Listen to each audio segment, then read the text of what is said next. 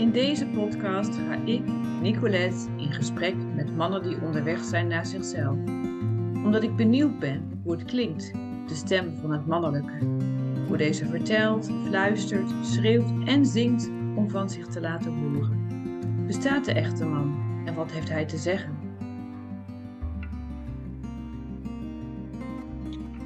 Ja, ik duik gelijk maar even in diepe, want uh, deze podcast, ik ben inmiddels de nummering kwijt, um, waarin ik in gesprek ga met echte mannen, is een hele bijzondere versie, want ik ga deze podcast in gesprek met mijn, ik wou zeggen eigen man, hij is niet van mij, met mijn partner um, Martijn, Ste Martijn Stekelenburg, even goed je naam uitspreken.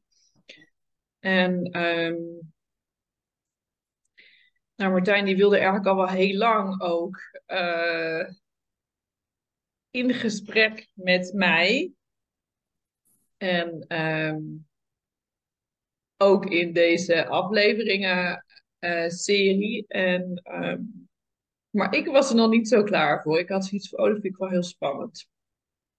Dus nu doen we dit toch. En um, ja, wat ik, wat, ik, wat ik nog kan delen over. Hè, want meestal begin ik ermee dan, ja, wat heeft deze man in mij dan geraakt? Um, ja, wat ik nog weet is toen ik voor het eerst jouw foto zag, dat is bijna drie jaar geleden. Dat, daar zag ik zoveel liefde in. Dat ik dacht, nou, dit lijkt me wel een hele mooie man om, uh, om mee te verbinden. En uh, nou ja, die reis zijn we zo samen gegaan. Of die gaan we nog steeds. En wat ik nou wel spannend vind ook, is uh, dat we nu op dit moment uh, de podcast opnemen, terwijl we ook wel op een kwetsbaar punt in onze relatie zitten. En, um, en er allerlei, ja, toch wel heel vroeg kinderlijke dingen omhoog komen bij mij.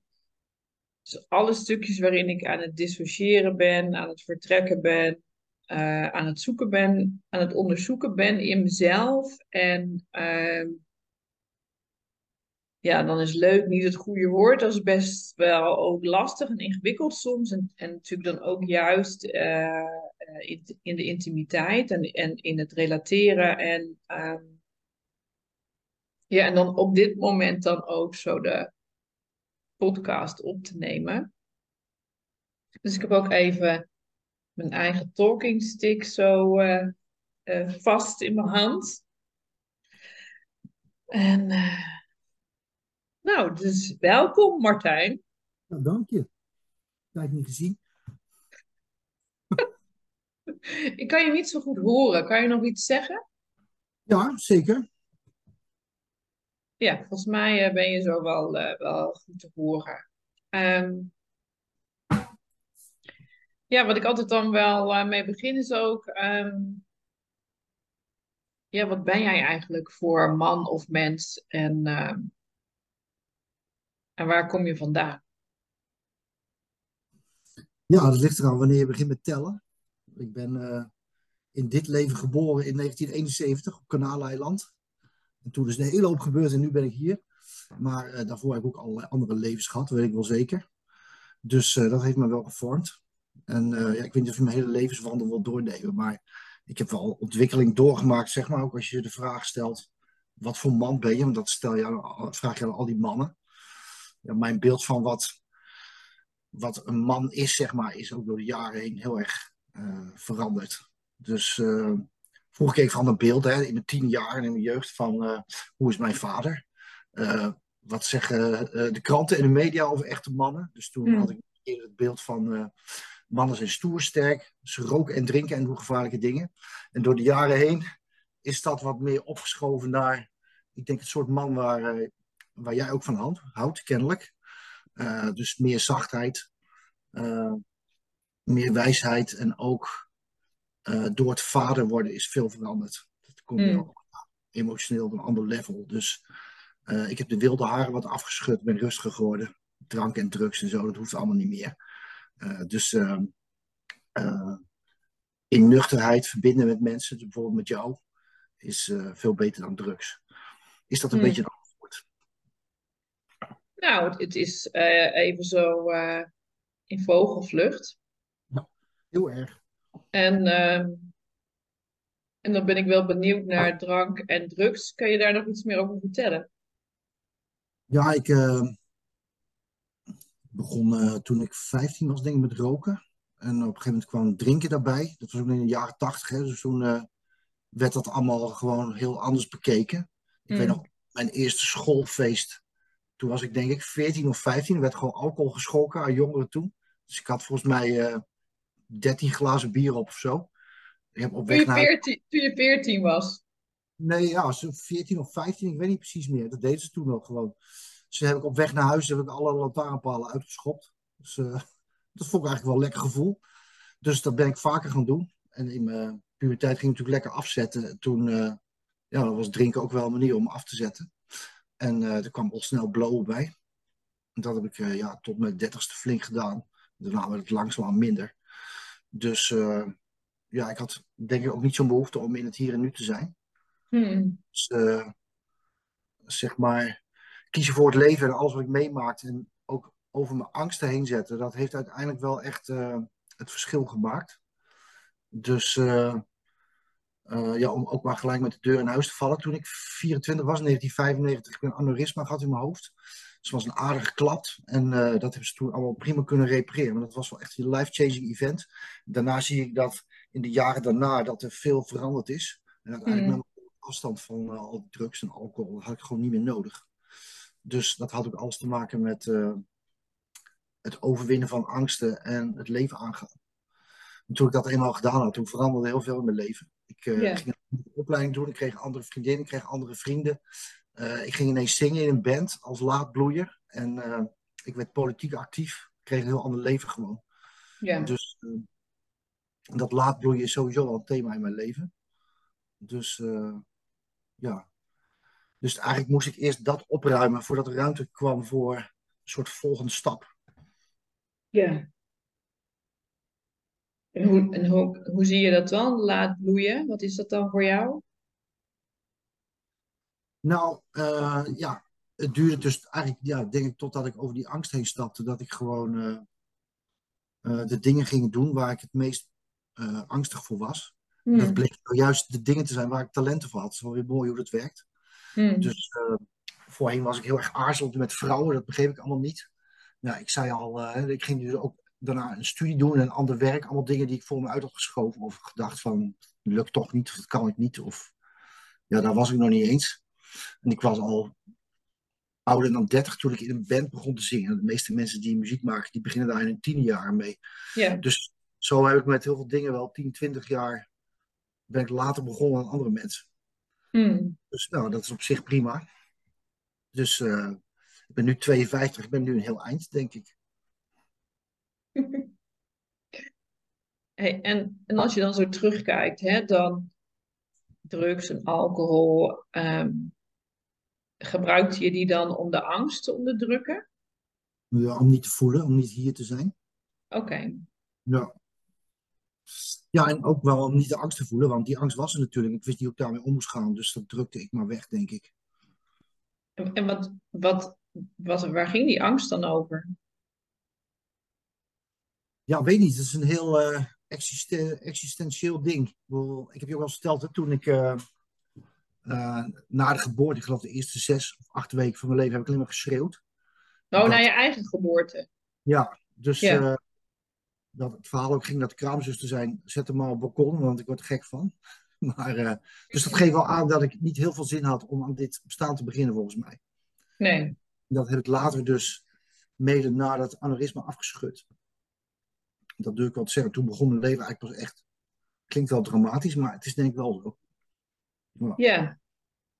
En een aneurysma, dat is een, hersen, dat is een hersenbloeding, hè? Ja, dat was een ader daar- onder het hersenvlies eh, die geknapt was. Dus ze kon het heel goed opereren. Daarom heb ik ook geen eh, schade aan overgehouden, zoals eh, spraakgebrek of weet ik veel wat. Dus ik ben eigenlijk maar, alleen maar meer gaan praten daarna. Dus ja, ze kon het goed repareren. Maar ja, het was voor mij wel een soort symbolische nieuwe start. Ik moest opnieuw voor alles kiezen. Dus uh, vroeger dan, ik was toen bezig met een studie maatschappelijk werk. Normaal dreef ik een beetje mee met de flow. Van, oh, hebben we volgende week een toets? Oké. Maar nu moest ik dat allemaal zelf doen, want ik was een jaar blijven hangen, zeg maar. Want ja, ik had wat tijd voor een stel nodig. Dus ik kwam in een nieuwe klas met allemaal mensen die ik niet kende. En uh, ja, toen moest ik zelf mijn agenda gaan bijhouden en zelf me, mezelf motiveren om dingen te gaan doen. Dus toen heb ik ook wel echt uh, flinke studievertraging opgelopen. En in die twee, drie jaar extra tijd ben ik zeg maar een soort transformatie gemaakt van ja, we gaan het gewoon doen. Ja. Ja, dus, uh, dus je bent opgeleid als maatschappelijk werker. Ja, eigenlijk wel. Ik ben er alleen nooit in gaan werken. Hmm. Um, ik ben toen, ja, ik had ook wel het gevoel. Ik denk dat ik die opleiding uiteindelijk meer heb gedaan om mezelf een soort schop te geven in mijn ontwikkeling.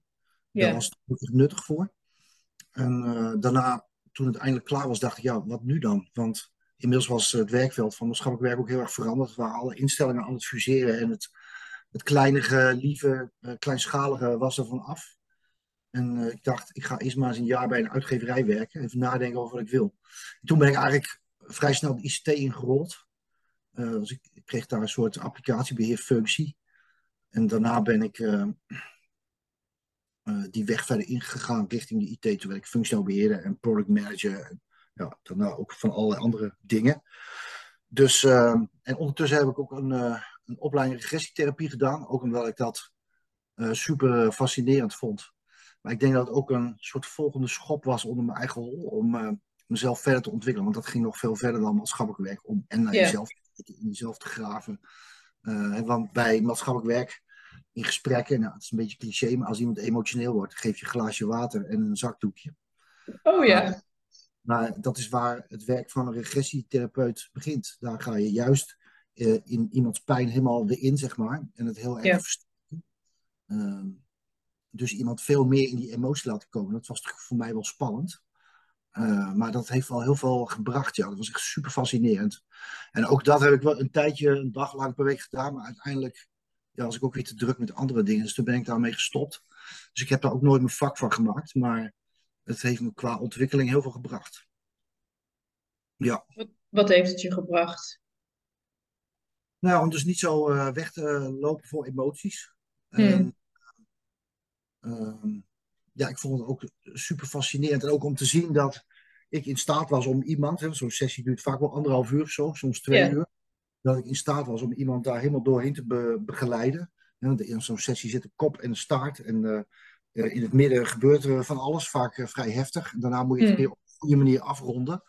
Dus ik denk dat dat ook wel geholpen heeft om op een andere manier naar menselijke problemen te kijken. En een uh, nieuwe inschatting te maken van mijn eigen kunnen.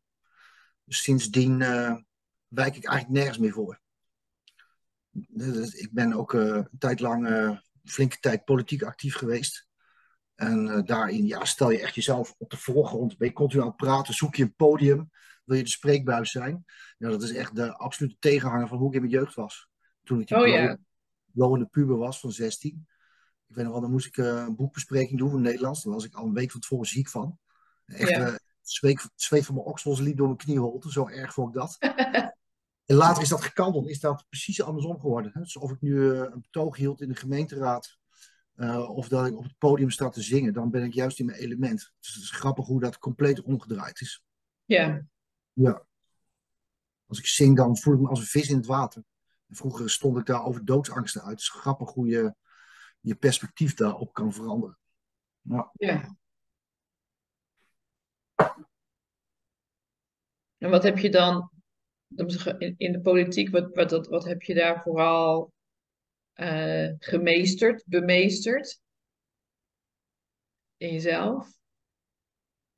Nou, om me uit te spreken natuurlijk, hè, want politiek is echt een podium uh, uh, waar je jezelf kan uitspreken en waar je mijn gevoel voor rechtvaardigheid was altijd heel groot. Dat heb ik denk ik ook van Zuid wel meegekregen. Ik ben van, van linkse signatuur in, qua opvoeding.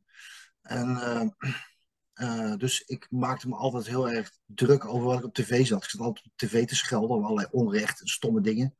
Dus op een gegeven moment dacht ik, ja, dat was dus ook in die periode na, die, uh, na het aneurysma, dat ik denk, misschien moet ik er dan maar zelf iets, iets aan gaan doen. Dus zo ben ik daar ingerold. En ja, tegelijkertijd, hebben we het wel vaker over gehad. politiek biedt een fantastisch podium aan mensen die iets hebben uit te, lezen, uit te leven. van ja, onzekerheid tot persoonlijkheidsstoornis aan toe. Alles kom je tegen. Echt ongelooflijk.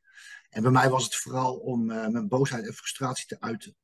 Ja. Dus ik heb nu, een aantal jaren geleden heb ik die politieke periode afgesloten. Dat ik een heel stuk van die boosheid kwijt ben, zeg maar, in die opwinding. Dat ik veel meer, meer innerlijke rust heb, meer, veel meer genuanceerde meningen heb, veel minder zwart-wit.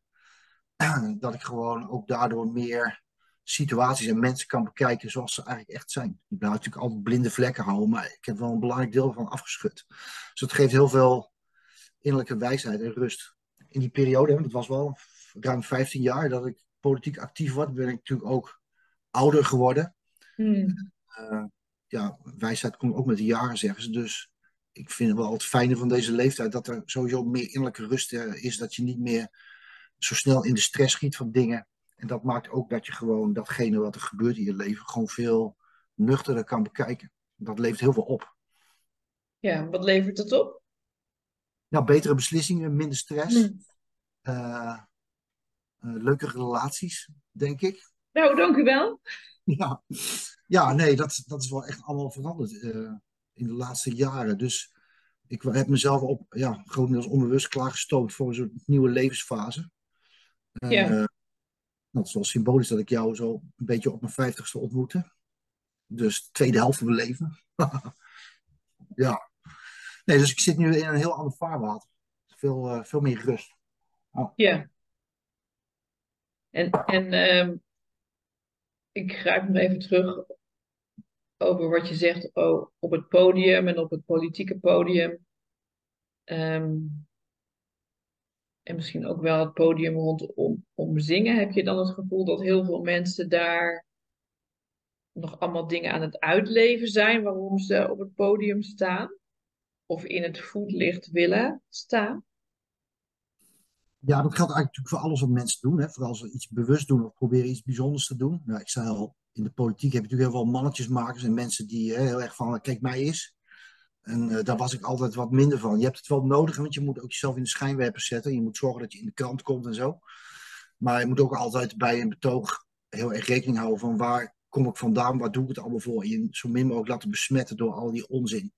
Want uh, ja, in de politiek is ook ongelooflijk veel uh, achterbaksheid, uh, verborgen agendaatjes. Mensen doen aardig, maar zijn het eigenlijk niet.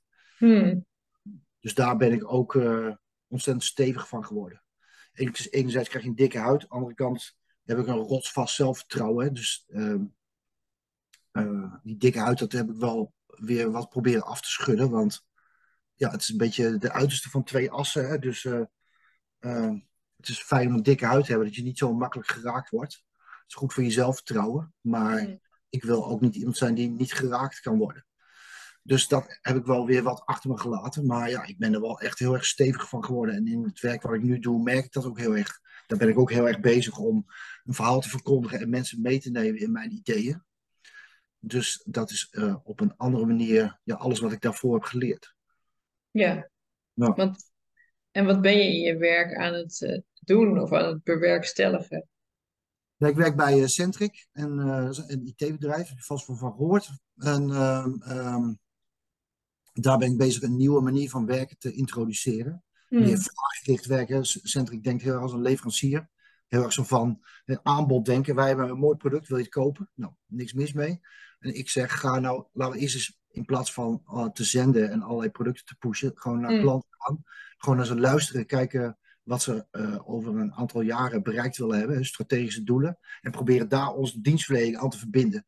En er zijn een aantal mensen binnen Centric zeker uh, die dat snappen. En er zijn ook mensen die dat heel erg zien als een aantijging van, ja, maar doen we dan iets verkeerd? Uh, dus het overwinnen van dat soort weerstanden, dat vind ik erg interessant op het moment dat je weerstand ondervindt, dan weet je dat je met een echte verandering bezig bent. Want als iedereen zegt van oké, dan is het een verandering van niks natuurlijk. Dus ik ben dat, ja, de grote mond ben ik wel een beetje kwijt, maar tegen de stroom inzwemmen en mensen daarin mee zien te lokken. Niet op een dwingende manier, maar meer verleiden. Hè? Dat is uh, hmm. gewoon wat veel beter werkt. Mensen verleiden door leiding te nemen. En dan kijken ja, welke mensen daarvoor hun ogen openen. die blijken er te zijn. Die zijn er overal, maar zijn vaak wel in de minderheid. En mensen die een grote verandering willen, die, dat, is, dat is bijna nooit de meerderheid, omdat we eh, als mensen gewoon een soort natuurlijke weerzin hebben tegen grote veranderingen. En dat het vaak heel lang duurt voordat we zien dat het uiteindelijk toch wel een verbetering is. Ja, Ja, en dat heeft, heeft ook echt met het zoogdierenbrein eh, te maken hè, in ons. Dat, ehm, dat het houdt je ook veilig als je doet wat er goed doet. ja. ja want verandering kan gevaar opleveren. Of het is Ja. eh, ongemak, buiten je comfortzone. En eh, ja, de meeste mensen zijn daar onbewust van. Dus ja, dat maakt het dan lastig. Dus moeten mensen soms een beetje wakker geschud worden. Soms moet je heel goed naar ze luisteren of ze verleiden. Soms moeten ze letterlijk een beetje door elkaar geschud worden. Om te zeggen van ja, niks doen is geen optie. Eh, want eh, dan gaan we het uiteindelijk verliezen. Je ziet, we leven in een tijd van, eh, van allerlei veranderingen in de economie. Allerlei disrupties. En bedrijven die al honderd jaar bestaan vallen ineens om. Om nooit meer terug te komen. Dat kan centric ook gebeuren. Dus ja, de tijd om maar gewoon 50 jaar lang hetzelfde te blijven doen, dat gaat gewoon niet meer. Hey, hey, en Martijn, dan, dan is het eh, is wel leuk dat ik dan ehm, zo ervaar van, oh ja, dat jij dan, dan, dan in je leven heel veel angst en weerstand hebt ervaren, ook in jezelf, en daar doorheen bent bewogen, en dat je dan nu eigenlijk ook mensen helpt ehm, in je werk door ook door die Ja. weerstand eh, eh, te bewegen. Ja. Ja, de kunst is in het leven om, als je eenmaal die verandering durft aan te gaan, als je daarmee kan experimenteren, dan krijg je een ander perspectief. Dus dat heb ik zelf ook gemaakt. Ik heb aardig wat verschillende banen gehad, maar ik merkte het ook toen ik eh, eh, ineens wethouder werd, werd. Dat heb ik vier jaar gedaan. En daarvoor was ik twaalf jaar raadslid. Dan krijg je ook een totaal ander perspectief. En ik was nog geen maand wethouder. En toen keek ik naar die gemeenteraad. En toen dacht ik, mijn hemel, ben ik ook zo geweest? En het antwoord was ja. Eh, Ja. nou, dan, als je perspectief verandert hè, in de, in de gemeenteraad, dat is eh, ja, hetzelfde als de Tweede Kamer, dan gaat het hard tegen hard. Alles is zwart-wit, meningen zijn ongenuanceerd. En dat is denk ik ook goed, want dan weten de partijen wat ze aan elkaar hebben. En de kiezers, de mensen in de, in de stad, zien ook waar de Hmm. partijen van gemaakt zijn. Maar aan de collegetafel, als je gaat besturen, dan is alles genuanceerd. Niks is zwart-wit, alles is grijs. En je moet met ongelooflijk veel verschillende dingen rekening houden, omdat je bezig bent met de uitvoering. Dus ehm, door dat te ervaren ben ik tot een ander perspectief te komen. Dus ik probeer nu ook met de experimenten die ik doe in mijn werk, mensen gewoon een andere ervaring aan te reiken. Kijken of dan, dan komt, er, komt er ruimte van, hé, hey, zo kan het ook. Zo simpel is het. Dan krijgen mensen gewoon, eh, ja, dan gaat hun geest een beetje open en dan is er ruimte om weer een volgend stapje te nemen. Ja. Hey, en als je het dan hebt over eh, weerstand en experimenteren en, ehm, en dan in de relatie met mij, Ja, want daar zit natuurlijk iedereen op te wachten zo in die podcast van Jezus, wanneer gaan ze het nou eens hebben over, over zichzelf? Ik ook. Oh, daar zit jij ook op te wachten. Kan je daar eens iets over delen? Hoe, heb je dan over, hoe bedoel je dan weerstand? Ehm, ja, wat kom je tegen aan weerstand in de relatie met mij? Ja, eh, ja bij, waarin ben jij dan mee, waarin ben jij dan mee aan het experimenteren? Ja, nou, eh, eigenlijk is de hele relatie een groot experiment. Dat is flauw. Nee, kijk, eh, wat ik met jou meemaak is in zoverre hetzelfde als met relaties hiervoor. Ik heb niet heel veel relaties gehad, maar kijk, mijn, eh, mijn waterloo is een beetje dat ik op hypergevoelige vrouwen val. En dat zijn dus ook vrouwen die heel veel emotie tonen. Eh, en dat eh, vind ik soms lastig om mee om te gaan. En ehm, ja, ook door het vaderschap ben ik wel tot een ander level van intimiteit gekomen. Hmm. Dat ben ik dat in mijn vorige relatie een beetje kwijtgeraakt. Dus ik was echt toe aan een nieuwe stap. Hmm. Dus eh, wat ik bij jou anders heb gedaan, is dat ik gewoon alles verwelkomd heb. En gewoon vanuit geduld heb gereageerd. En ja, jou gewoon volledig ontvangen zoals je bent. En ook, ja, hoe zeg je dat? In de intimiteit werkt dat ook door. Omdat, ja, dat is ook waarom ik van gevoelige vrouwen hou. Eh, intimiteit is veel fijner met hypergevoelige vrouwen. Ehm, en eh, ik heb ook daarin geleerd om gewoon dingen meer vanuit rust doen en niet mezelf op te dringen. Vroeger drong ik mezelf op een vrouwen. Ik zeg van, Hmm. op- opgewonden, ik wil seks. Eh, bij jou is dat heel anders. Ik weet niet of je dat herkent, ik hoop het wel. Maar eh, en tegelijkertijd heb ik wel beter geleerd om mijn verlangen uit te spreken. Maar ja, de intimiteit die wij hebben is niet alleen in bed. Eh, we hebben het vaak ook wel over tantra en wat tantra dan is. Dan hoor ik jou zeggen, tantra is een hele manier van leven. En dat Mm. zie ik zelf niet zo, maar tantra is wel zeg maar eh, het liefste spel tussen twee partners. En dat is iets wat je dus niet alleen in de slaapkamer moet hebben. Aan die intimiteit moet je de hele dag doorbouwen met, eh, ehm, ja, eh, met gewoon met aandacht, positieve aandacht. En de ander horen en zien en ja, helemaal ontvangen zoals die is. Hmm. Dus daar, met name daarin ben ik compleet veranderd. Vroeger was dat gewoon er niet. Wa- was ik niet klaar voor dat level van intimiteit. En nu heb ik ontdekt wat belangrijk is, dus daar ga ik ook echt voor. Dus dat merk je ook wel, want je zegt wel af en toe dat je je overladen voelt. Nou, dat is dan het gevolg daarvan. Oh ja, misschien moet ik daar de luisteraars, de kijkeraars in meenemen. Dat, dan, ehm, dat er dan ook heel veel liefde uit Martijn komt. En dat het dan ook mijn kant uitkomt. Maar dat het dan af en toe zoveel is dat ik zoiets heb van. eh, om dat dan allemaal te ontvangen. Ehm, dus daarin zeg ik dan ook wel eens van. eh, oh, eh, dit mogen ook nog andere mensen ontvangen in je omgeving. Dat lijkt dan ook Ja. mooi. Ja, en tegelijkertijd heb ik daar dan ook nog in te leren en te openen. En eh,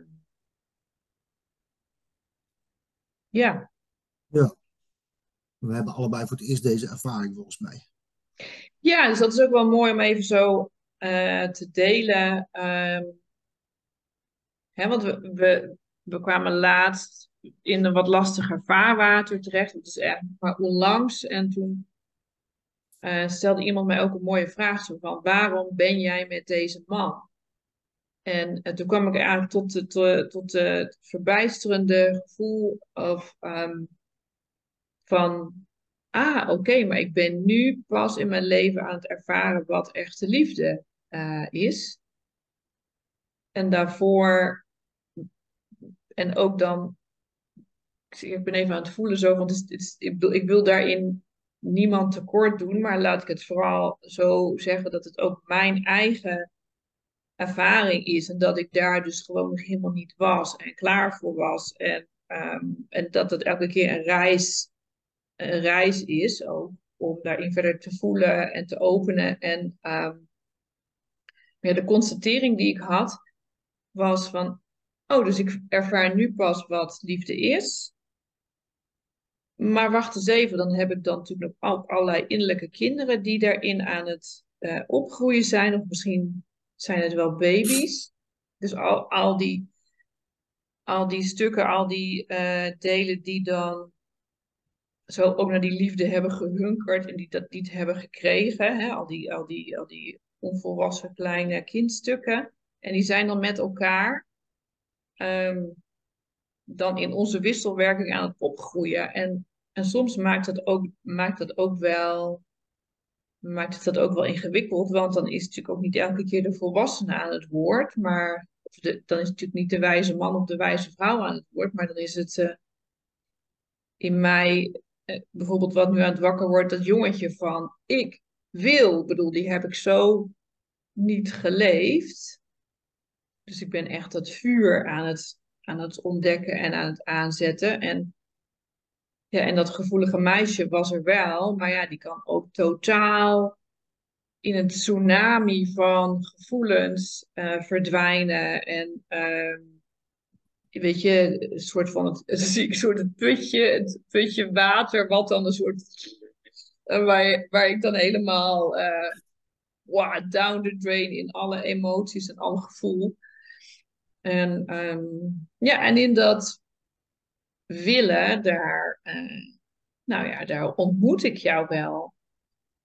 En dan ook even voor iedereen die dan.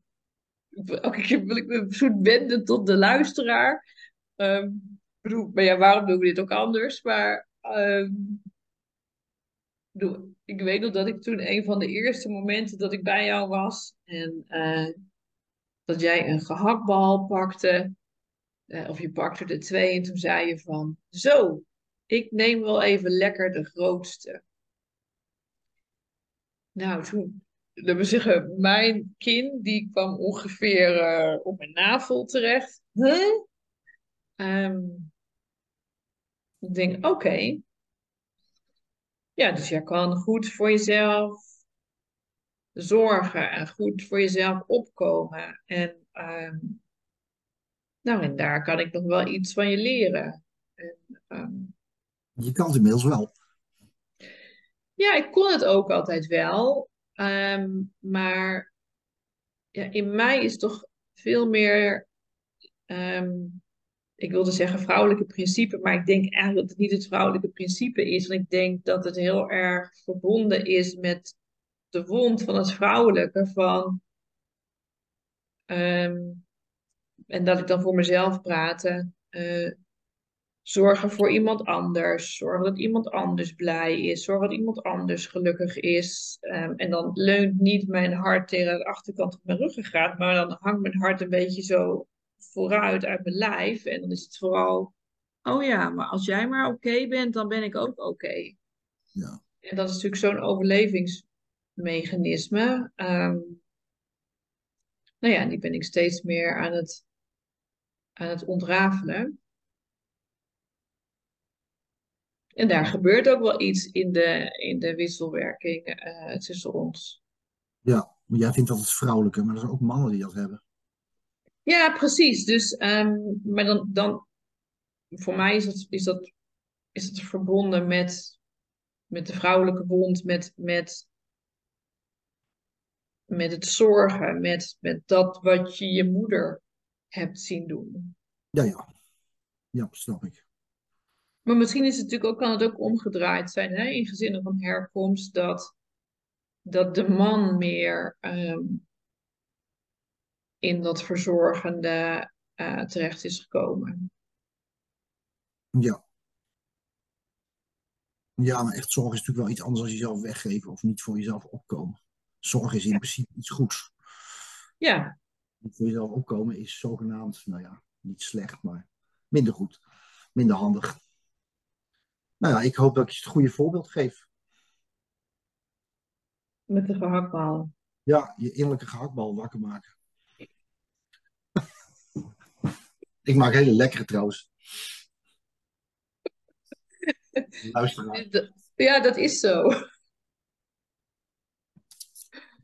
Ja. Kan je nog iets delen of, over wat je daarin tegenkomt als, ehm, als wij dit, dat wij zomaar samen zo dit stuk aan het ontrafelen zijn, wat te maken heeft met, ja, voor mij is het het, st- het stuk wat te maken heeft tussen willen en moeten. En ik weet niet hoe dat voor jou is. Vertel eens. Nou, Ik ontmoet jou natuurlijk op allerlei manieren. Ja, Eh, op dit stuk. En je ontwilt mij ook op allerlei manieren. Die innerlijke kindsdelen van jou, die ken ik natuurlijk al drie jaar. En ik zie ze ook al opkomen voordat je het zelf door hebt, volgens mij. Dus in sommige opzichten heb ik jou soms beter door dan jij zelf. Ehm, de lastige tegenweging, daar hadden we het ook eh, vanochtend volgens mij nog over, is dat ehm, ik ben in een soort tweede fase van mijn leven en ik kies echt voor datgene wat ik belangrijk vind.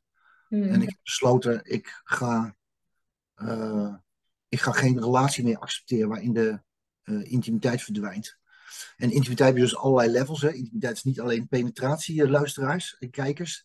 Eh, maar dat is zoals ik net al zei in mijn visie op tantra. Dat is gewoon wat je de hele dag doet, de dans die je de hele dag door met elkaar maakt. Hmm. Die is voor mij heel erg belangrijk. Dus voor mij is het dan bedreigend als iemand wat meer afstand neemt. Dan heb ik de neiging... Dat, dat ben ik dan, hè? Diegene. Ja. dan heb ik toch de neiging ook nog te vechten in mij om dan nog duidelijker te maken wat voor mij belangrijk is. Ja. Ook om duidelijk te maken van, nou, ik ben heel eerlijk, heel eerlijk in geweest in het begin van onze relatie. Dat ik daar uitkwam, dat ik dat niet meer wil. Dus, uh, en tegelijkertijd een soort nieuw, nieuw level wacht, even, wacht even hoor, Martijn. Eventjes een klein beetje voet op de, op de rem. Maar niet op de verkeerde rem, maar even... Waar kwam je dan uit en waar wil je niet meer in terechtkomen? Nou, ik was gewend dat, uh, maar dat lag ook heel erg aan mijn eigen ontwikkeling, dat Ehm, ik heb niet zoveel relaties gehad voor jou, eigenlijk maar twee echt wat langere relaties.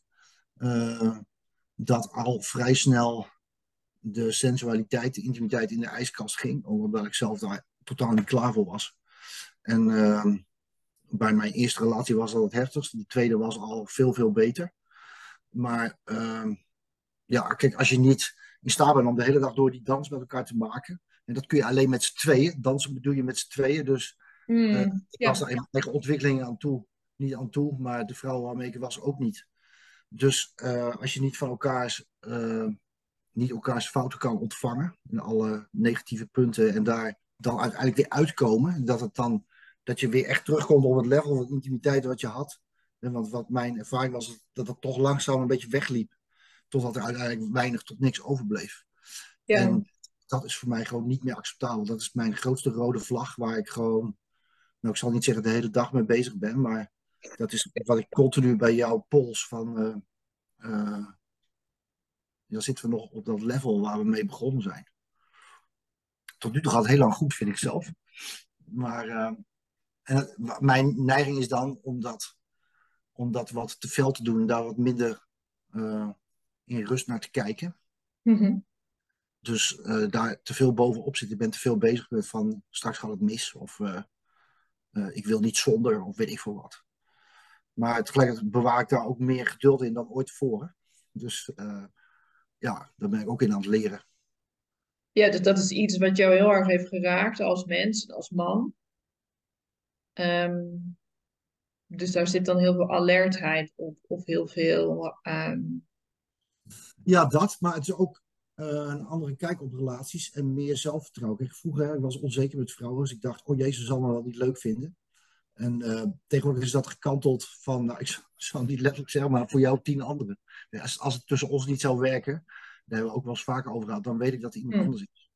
Dus ik ga niet in een slechte relatie blijven uh, met het gevoel van, er, is, er zijn geen andere opties. dat, dat gebrek aan zelfvertrouwen wat ik vroeger had met vrouwen is nu totaal opgeslagen. Uh, uh, ik ga graag met vrouwen om, werk ook graag samen met vrouwen. Dat is een heel ander soort, uh, soort ervaring. Dus uh, ja, jij zegt altijd, je moet meer met mannen opgaan. Mannen moeten mannen opzoeken. Ik denk, nou, ik ben liever met vrouwen samen. Dat vind ik veel interessanter. Dus um, ja, daar heb ik een soort ontwikkeling in doorgemaakt. En ja, die ontwikkeling is nog niet gestopt. Dus ik ben benieuwd waar dat met jou uitkomt. Maar ik wil wel vertrouwen in dat we wel de lijn vasthouden, zeg maar. Ja. Nou, jij weer. Er zijn heel veel punten die zijn aangeraakt waar ik even op in zou kunnen gaan. Um, maar misschien ook maar even te delen um, ja, hoe het dan voor mij is als daar dan zo'n stuk uh, helderheid en ook wel vechtlust natuurlijk ook in jou opkomt rond, rondom um, dat je die intimiteit wilt behouden. En, uh, en, dat, en dat ik natuurlijk ook echt bezig ben met, met wat wil ik. En uh, daar ook in had ervaren de laatste tijd dat ik dan net dat ik, dat ik dan een beetje aan het weggeven ben. En uh, een beetje over mijn eigen grens, toch weer een beetje pleasen, een beetje links en rechts van, oh ja, het zal allemaal wel. En um, ja, dat zijn zeker niet meer zulke grote bewegingen als vroeger, maar mijn lichaam is zo gevoelig geworden dat. En dat is mooi en tegelijkertijd ook lastig. Dat alles wat een beetje ernaast zit. En dan krijg ik echt gelijk ontzettende klap van mezelf of in de energie. Ik kan het eens echt uitleggen, maar dan. Het kan niet meer. Ik kan er niet meer echt naast lopen. Dus dat vraagt dan gelijk ook bijsturing. En um, ja, en, en, en mijn neiging is dan, um, als ik ergens iets ervaar wat niet klopt, dan ga ik toch een beetje eruit. Dan maak ik de beweging naar achter, dan kan ik het niet meer helemaal goed in contact houden. Dan denk ik, ja, uh, dan, ben ik, dan worden mijn grenzen een beetje poreus. En dan denk ik, ja, nou, als ik het nou even niet weet, dan, dan, dan ga ik wel naar achter. Dan, dan ga ik me met mijn eigen veiligheid bezig. Hè. Zeg, een soort over, een beetje ook een soort, soort overlevingsmechanisme om terug te trekken, om, om um, dan, dan mezelf veilig te stellen. Terwijl ehm, hè, jij dan de beweging maakt uh, naar voren. En, en ik nog niet precies weet van, ja, wat wil ik hier nou eigenlijk in? En um, ja, dat, dat, dat maakt het dan wel, dat maakt het dan wel spannend ook. Dus ik denk ook dat het een soort all-out mechanisme is tussen vrouwen en mannen. En iedereen zal ook wel weer zijn eigen uh, dynamiek hebben uh, als stel. Um, maar die van mij is dus terugtrekken en die van jou is, denk een beetje in de ik kom je halen modus of zo zijn. Nee, dat niet. Ik spreek me wel heel duidelijk uit. Maar ik heb al, volgens mij letterlijk de eerste keer dat we intiem waren gezegd. Ik, zal, ik heb geen interesse in om dingen te doen die jij niet wil. Dus ik drink mezelf niet op. Tegelijkertijd spreek ik mezelf heel duidelijk uit. Dat is voor jou dan bedreigend. Denk ik. Maar ik ontvang je ook in alles. Ja, dus ja, dat, ja. Ik zeg niet, haal je op, maar ik zeg eerder, kom maar. Ja. Dat betekent wel dat je ook, en dat is de brug oversteken in de intimiteit, dat je dan ook komt en dat je er bent en dat je laat zien en zo. Dat laten zien is bij jou geen probleem. Maar uh, ja, de kunst van echte intimiteit is ook dat als het niet leuk is, dat je de verbinding in stand houdt. Ja, voor jou geleerd, volgens mij. Ja.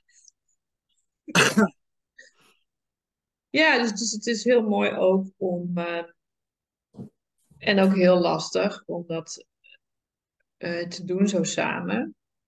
Um, zijn er nog dingen waarvan jij denkt van, hé, uh, hey, dat hebben we nog niet besproken, of oh, dat is nog een interessant weggetje? ja, die zijn er zoveel.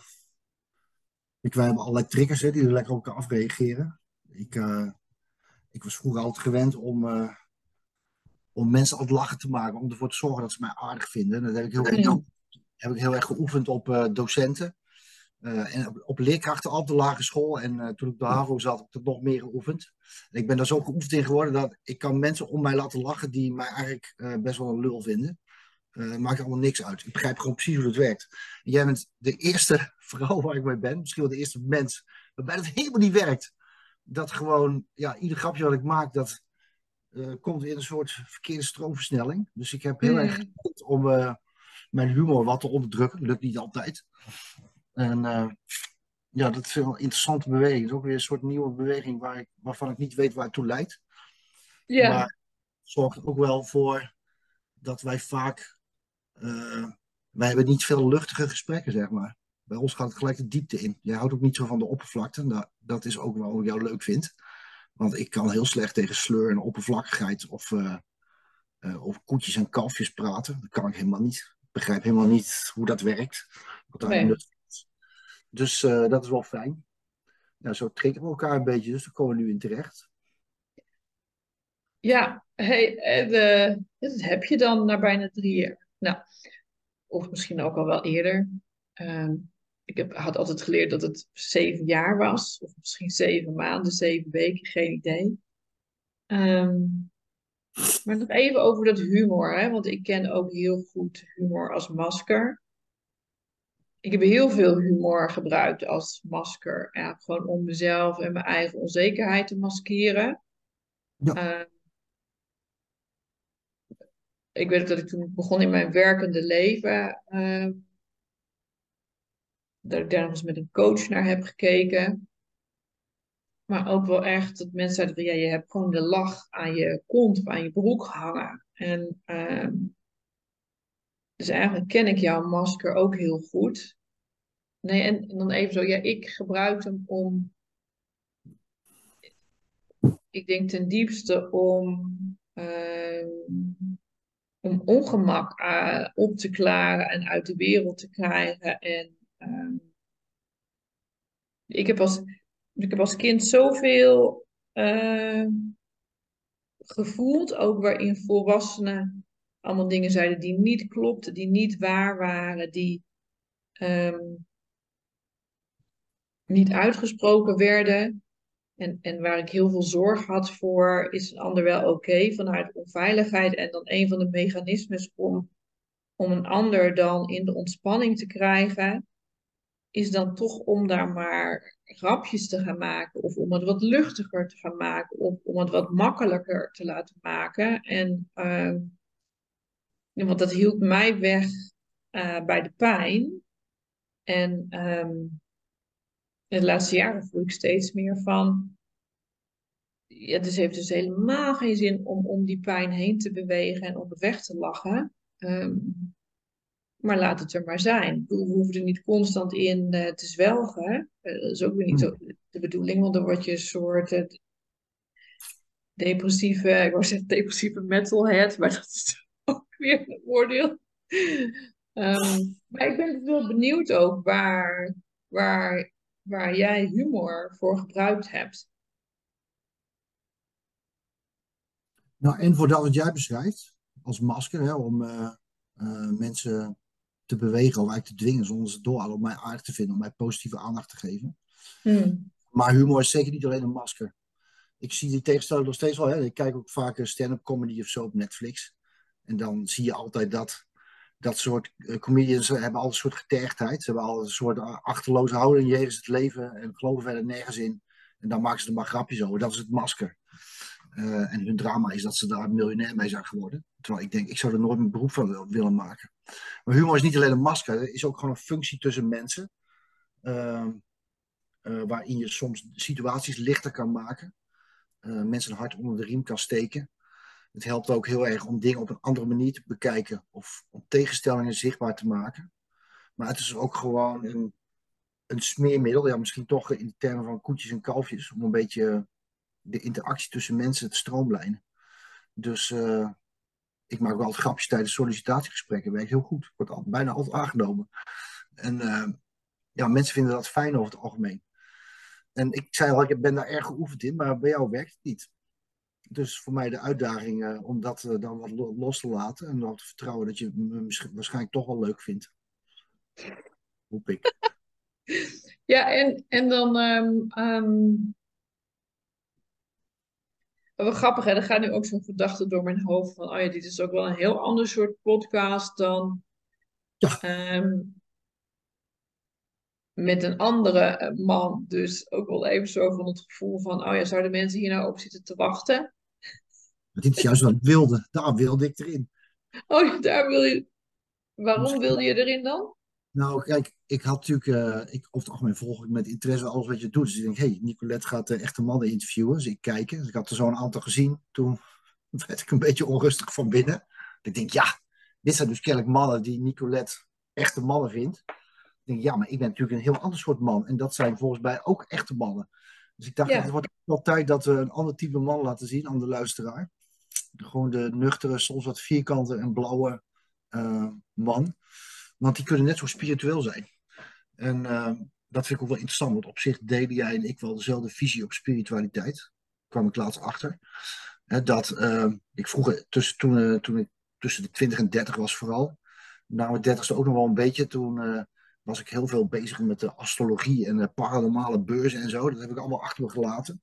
Dat dat gewoon, ja, die zoektocht is klaar. En ik heb ontdekt, dat is het grote geheim, dat je uitdagingen, je kansen om je spiritueel te gedragen of spiritueel te zijn, liggen gewoon in de dagelijkse praktijk. In hoe je omgaat met mensen en situaties. Hmm. Uh, met, vrienden, kennissen, collega's, kinderen, partners. Uh, daar ligt het grote geheim in, daar ligt je uitdaging, daar liggen je levenslessen. En dat zit hem niet in nog eens een keer een zelfhulpboek lezen of naar een of andere beurs of weet ik veel wat.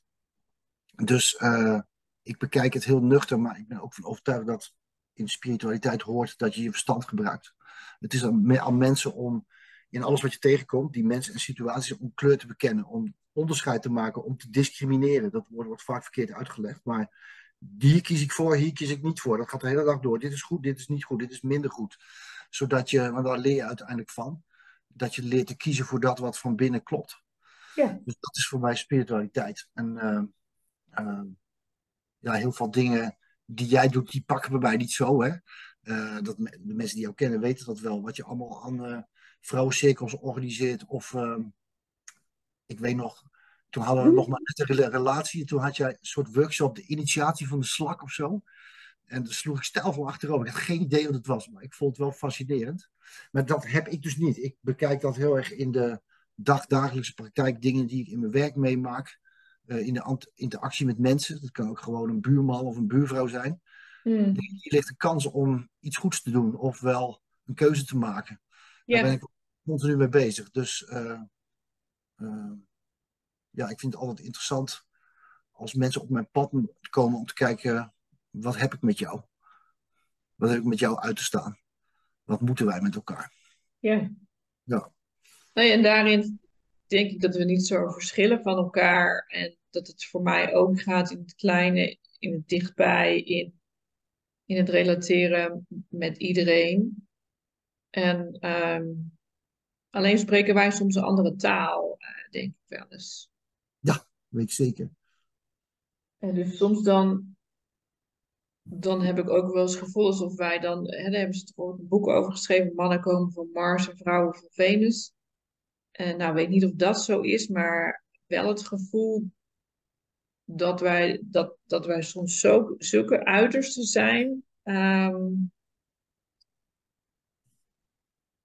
dat ik me ook wel eens afvraag van, uh, jeetje, dat vraagt van ons allebei uh, echt wel iets om bij jezelf te blijven, ook daarin, hè?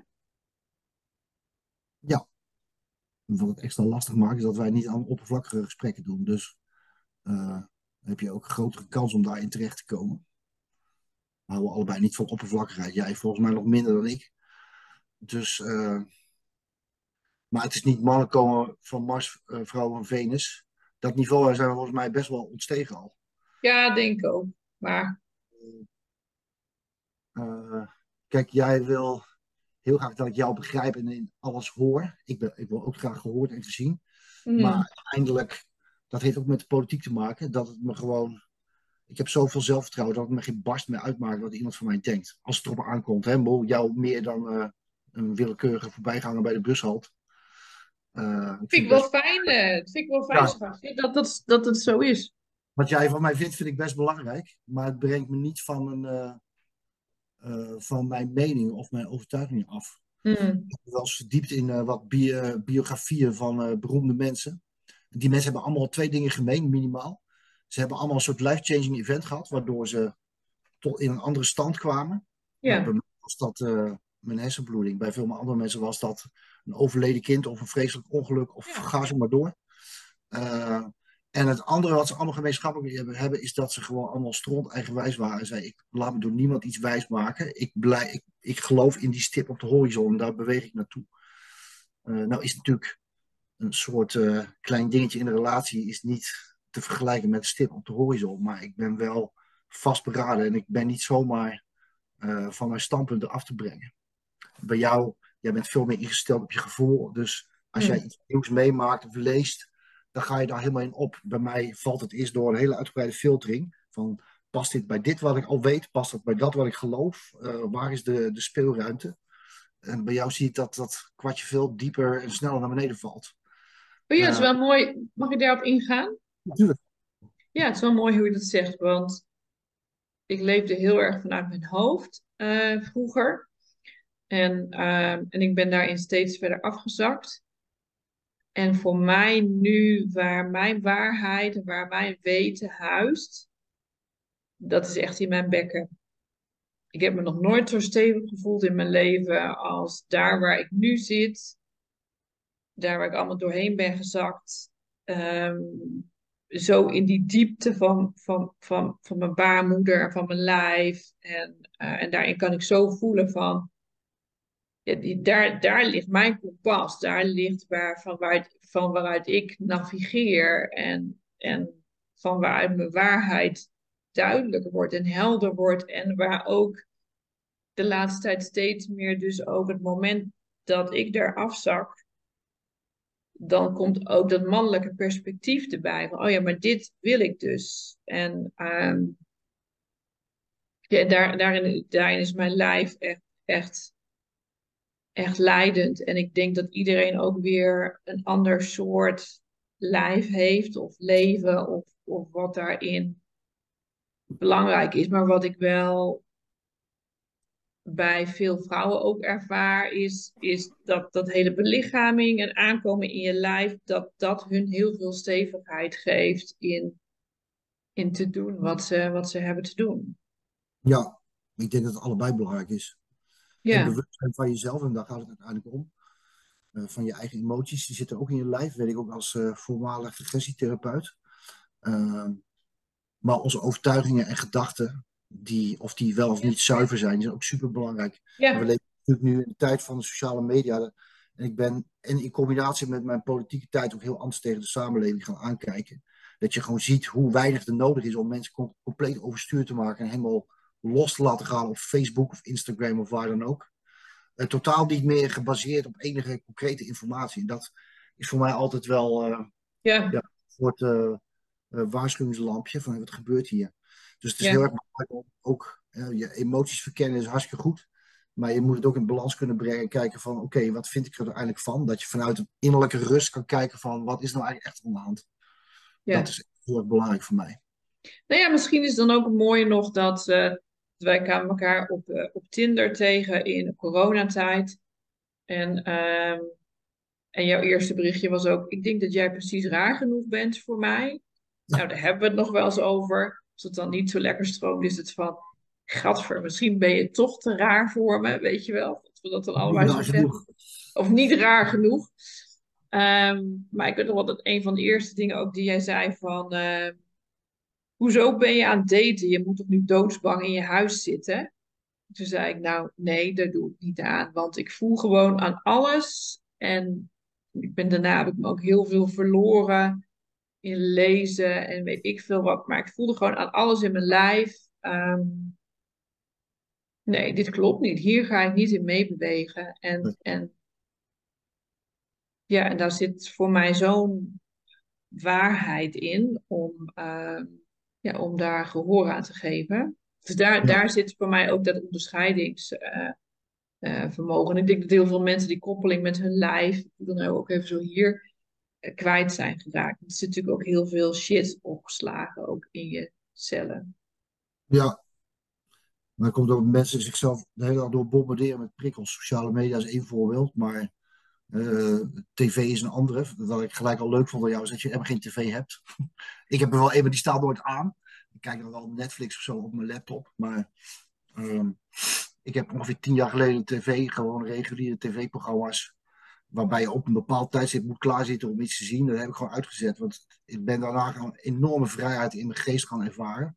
Dat je zo gebombardeerd wordt met, mensen hebben niet door hoe ze daardoor, eh, hoe hun overtuigingen en hun wereldbeeld daardoor beïnvloed wordt. Dus ze Hmm. komen s ochtends eh, op het werk en dan praten ze een uur lang over wat ze allemaal op tv hebben gezien. Dan denk ik, je geest is niet vrij. Ehm, denk eens nou over iets anders, zeggen ze iets wat niemand ooit gezegd heeft. Eh, ja, wees eens eigenwijs. Dus dat vind ik wel heel belangrijk. Wij zijn allebei strot eigenwijs, volgens mij. Heel eigen geleid. Ehm, ik denk altijd dat het heel erg meevalt bij mij. Dan kon het allebei heel raar zijn. Dus daarom passen we zo goed bij elkaar. Ja. Nou, misschien is dit dan wel, is die, is die hiermee rond, eh, de podcast? Ik denk het. Ja? Het blijft natuurlijk de hamvraag. Ben ik een echte man? Nou ja, dat is niet aan mij om dat te beantwoorden. Dat lijkt me dat, eh, dat jij die vraag mag beantwoorden. Ja. Ik weet niet, ja, ik open al bij mijn verhalen mee. Eh, of, ik het, of ik een echte man ben, weet ik niet. Ik weet wel dat de man die ik ben en het manbeeld waar ik me afspiegel, dat dat eh, in de afgelopen tientallen jaren fors veranderd is. En dat zal ook nog niet tot op zijn einde zijn. Nee. Dus eh, ja, ik zei al, vaderschap heeft daar veel in veranderd. De relatie en de intimiteit die ik met jou heb. eh, mijn zelfvertrouwen erin, dat helpt ook heel erg. Hmm. Dus de kunst is om. ja, ik klap al een beetje uit de school over onze intimiteit. Maar ik zei laatst van. Ik voel me nu heel zacht en heel mannelijk tegelijk. Ik denk dat dat het antwoord is. Een beter antwoord heb ik even niet. Dus. Ja, je kunt ook heel mannelijk en sterk en vol zelfvertrouwen zijn. En toch heel zacht zijn. Tegelijkertijd. eh, wens ik vrouwen dit ook toe. En zijn er ook vrouwen die dat hebben. Dus ik weet niet of dat per se heel mannelijk of vrouwelijk is. We zijn allebei. Dus Nee. ja, dat eh, gaat soort van hand in hand. Ja, voor mij gaat het ook over je innerlijke man en je innerlijke vrouw eh, ontwikkelen. En eh, die hand in hand. eh, Ja, nou laat kijkers maar besluiten. Ze kunnen toch reageren op eh, YouTube eronder? of ik door de, door de ballotage ben gekomen. Ja, ehm, ja. ik denk wel, eh, ik vind het wel leuk om te zien, hè, want je interviewt allemaal verschillende soorten mannen, dat ja, er weer een, een, eh, een ander, beetje raar type tussendoor komt. Nou, raar is natuurlijk onzin. Het zijn alle mannen die je hebt geïnterviewd, zijn allemaal mensen die iets bijzonders doen. En ik denk, Hmm. Dat bleek ook hier en daar wel uit gesprekken, dat ze allemaal ook een soort life-changing event hebben gehad en een soort omslag hebben gemaakt om zeg maar wakker te worden. Nou, dat is wel eh, consistent in al je interviews tot nu toe, denk ik. ja. Nou, moeten we het dan eh, wakkere mannen noemen of wakkere mensen? Nee, doe maar lekker wat jij wil. Volgens mij begrijpen de kijkers en luisteraars dat wel. Ja. Zijn slim genoeg. Het is ook allemaal van die types als, jij- als jij en ik. Ik denk het wel. Nou, ja. Nou, lieverd, dan gaan we hem hiermee eh, afsluiten, rondmaken. laten we dat doen. Dankjewel. Ik hou van jou. Ik zit alweer, zal ik dit eruit knippen of niet? Echt niet. Hè? Je laat het er lekker in. Ik laat het er lekker in en ik hou van jou. Zo, wijfie. Ik spreek je. Wordt vervolgd. Doei! laat aan jou de verbinding te verbreken. Doei! Doei. Ja, dan wil ik je bedanken voor het luisteren. En ik ga nog veel meer podcasts opnemen met mannen in gesprek. En ik vind het heel leuk om te horen ook wat, er, wat er bij jou wakker is gemaakt. Wat je ervan vindt, hoe het voelt, wat er eh, gebeurt in jou en hoe het je raakt. En je bent heel welkom om dat ook te delen met mij. Stuur me een mailtje of een pb'tje. Ehm, ik ben heel benieuwd. En ook als je denkt, Nicolette, ga toch eens in gesprek met deze man. Ja, laat me dat ook vooral weten. Nou, ik wens je een hele fijne avond, dag, middag. Daar waar je ook zit en met wie je ook bent.